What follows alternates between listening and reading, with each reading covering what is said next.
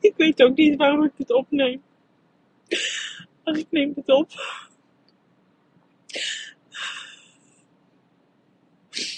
Ik heb nu heel erg de behoefte om mijn moeder te bellen.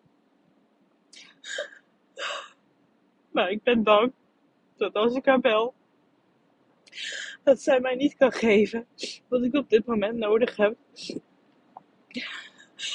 Om mezelf van die teleurstelling te behoeden, bel ik haar niet.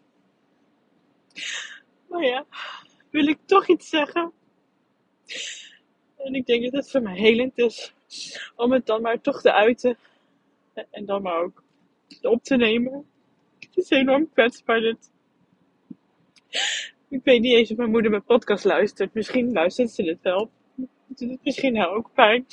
En dat ze gewild dat ik had gebeld. Maar dit is gewoon heel erg pijnlijk voor mij. En waarschijnlijk ook voor haar. Dat ik toch die aarzeling voel om op zo'n moment haar te bellen. Maar ik voel me heel erg alleen dan. Ik voel me nu heel erg alleen. Met dit verdriet. Dat het voor mijn gevoel weer niet gelukt is, deze cyclus. Ik weet het nog niet 100% zeker. Maar ik heb die angst ervoor. Waar ik in een vorige aflevering het had over het onderwerp oerverdriet. En het al dat had verwerkt. Kon ik er nog goed over praten. Nu zit ik er middenin, zoals je hoort. Vannacht kon ik niet slapen. Want mijn man is verkouden. En dan word je wakker. En ik had de nacht daarvoor ook al niet geslapen. De nacht daarvoor was het meer vanuit een soort van anticipatie. Dat, oh, dat ik het gevoel had dat het wel misschien eraan zat te komen. Uh, maar vannacht had ik gewoon minder vertrouwen. En dan word je wakker door iets. En dan gaat je hoofd gewoon. Dan gaat mijn hoofd gewoon. En dan kan ik daardoor gewoon niet slapen.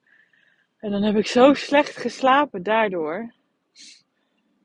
Waardoor je natuurlijk in zo'n staat zit. Tenminste, ik zit dan in zo'n staat dat mijn hoofd het gewoon ontzettend overneemt. En ik gewoon absoluut niet meer bij dat vertrouwen kom. En waarbij dat verdriet gewoon heel erg hoog zit. Maar ik had nog niet gelijk door dat dat het was.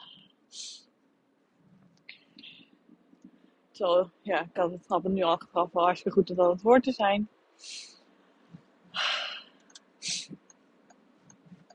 Oh jongens. Want vandaag is een zaterdag en ik, ik moest, uh, of tenminste, ik koos ervoor om op te staan uh, vroeg, want uh, stucadoors komen bij ons om ja, plafond te stukken. Maar die zouden om 7 uur komen. En mijn man is heel erg verkouden, waardoor ik dus ook wakker werd. En ik denk, ja, ik gun het hem om ja, hè, zijn rust te pakken. Maar ja, ik voel me ook niet zo lekker, want hij steekt natuurlijk ook gewoon aan. Maar minder erg als hij, dus ik kies hem om vroeg op te staan. Maar ik heb echt maar, wat zal het zijn, vier uur slaap gehad vannacht. En het laatste stukje misschien nog een uurtje, dus misschien vijf uur, maar met horten en stoten. En maal. Malen. Dus dan doe je dat en dan voel je gewoon, je probeert, je probeert, ik probeer mezelf weer een bepaalde hoek in te duwen. Ik probeer mezelf toch vertrouwen te geven. Ik probeer mezelf in, in me te, op me te praten. Judith, je weet het nog niet. Het kan allemaal nog. Maar zulke tegenstrijdige emoties die ik gewoon dan voel en gedachten die ik dan heb. En ik weet niet of jij dat kent. Die weet ik natuurlijk niet meer dat ik weer ga janken. Maar dat zijn gewoon van die momenten. Dat je gewoon je mami wil. Dat zijn gewoon van die momenten dat je gewoon heel graag die warme liefde van je moeder wil. Niet geen, geen rationeel gedoe. Gewoon de warme warmte voelen. Dat is alles wat je wil. Dat is alles wat ik wil. En ik heb dat zo gemist. Dat mijn moeder het mij niet kon geven. Op de manier zoals ik dat wilde. Hier hebben we het ook wel echt wel over gehad, maar niet op deze manier. En ik ben gewoon zo bang als ik haar dan nu bel in deze emotie, dat ze er heel graag voor me wil zijn. En op de manier zoals het kan ook voor mij kan zijn, maar dat is niet wat ik nu nodig heb.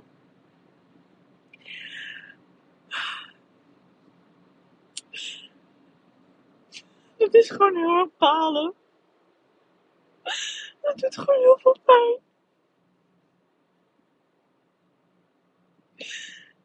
En daar komt dit verdriet vandaan. Het gemis. Dat ik dat had gewild in mijn leven. Dat komt gewoon op dit thema heel erg boven. En het is ook gewoon zo'n rauw thema voor mij. En misschien is het ook wel voor jou. Ik weet het niet. Maar als je dit luistert, mogelijk ook. Ik kan het gewoon nu niet tegenhouden, dit verdriet. Is gewoon in alle rauwheid. Ik voel mijn hart ook gewoon pijn doen nu. Het is gewoon even wat het is.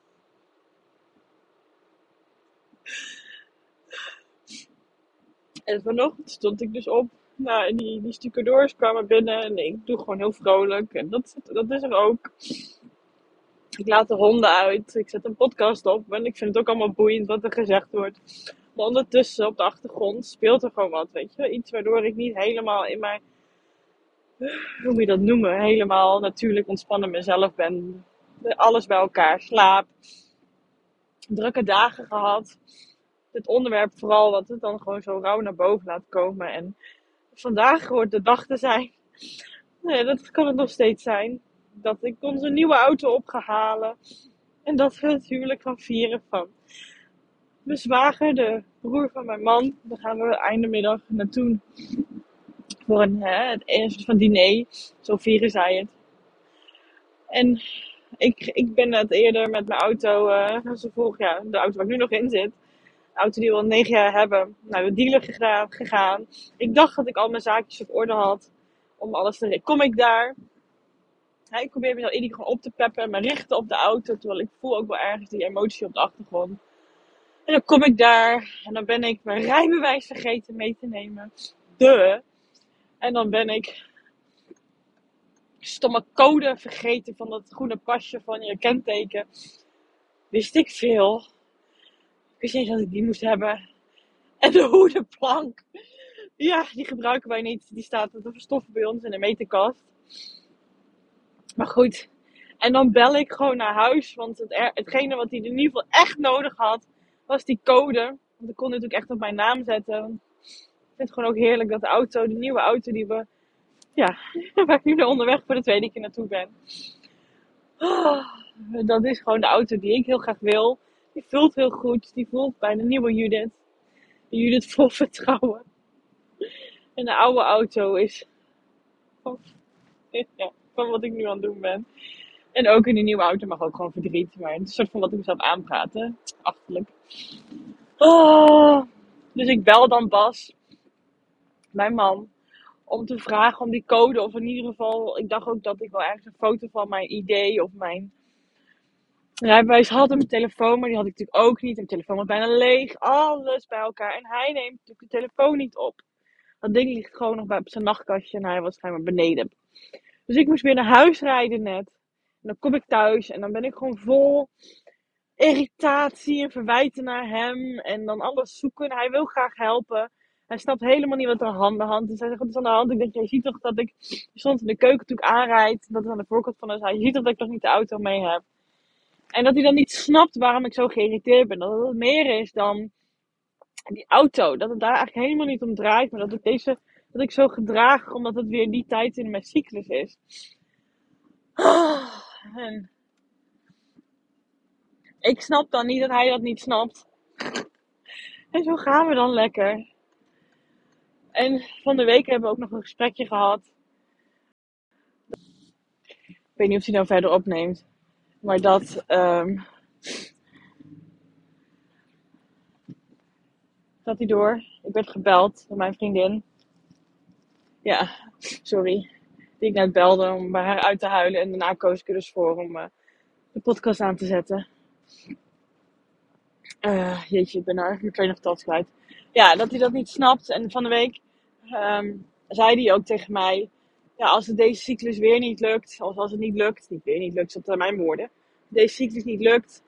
Dan um, ga ik stoppen met drinken. Ga ik niet meer snoepen.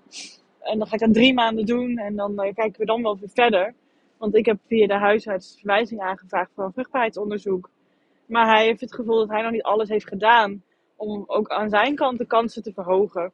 hij wil eerst drie maanden dat proberen en dan pas dat onderzoek ingaan. Want dan moet je eerst een vragenlijst voor invullen, krijg je een gesprekje. En dan daarna ehm, ja, het onderzoek, zeg maar. Dan wordt bij mij een echo gedaan. En bij hem wordt zijn sperma onderzocht, zeg maar. Van mij was een andere aflevering, zeg maar. Hij zei, nee, ik wil dat onderzoek pas doen daarna. Ik denk, ja, ik heb hem nodig. Dus ik heb me er maar gewoon bij neergelegd. Dat dat uh, gaat gebeuren. En net was ik natuurlijk weer in huilen. En op een gegeven moment, ja, ik zeg, dat, dat zit eronder. En hij probeerde wat te bespreken. Maar goede stukken door, liepen de trap op en af. En ik durfde niet mijn hele emoties te uiten. Dus nou ja, ik liep de deur uit met mijn hoedenplank in mijn hand en de benodigdheden. En uh, ja, tranen rollen, rolden over mijn wangen. Dus ik ging gewoon de auto weer in. Ik denk, ja, ik, de, dealer sluit om half één. Het is nu twaalf uur. Uh, tenminste, nu, nu, nu, nu, nu is het twaalf uur, zeg maar, niet toen ik de auto uitstapte.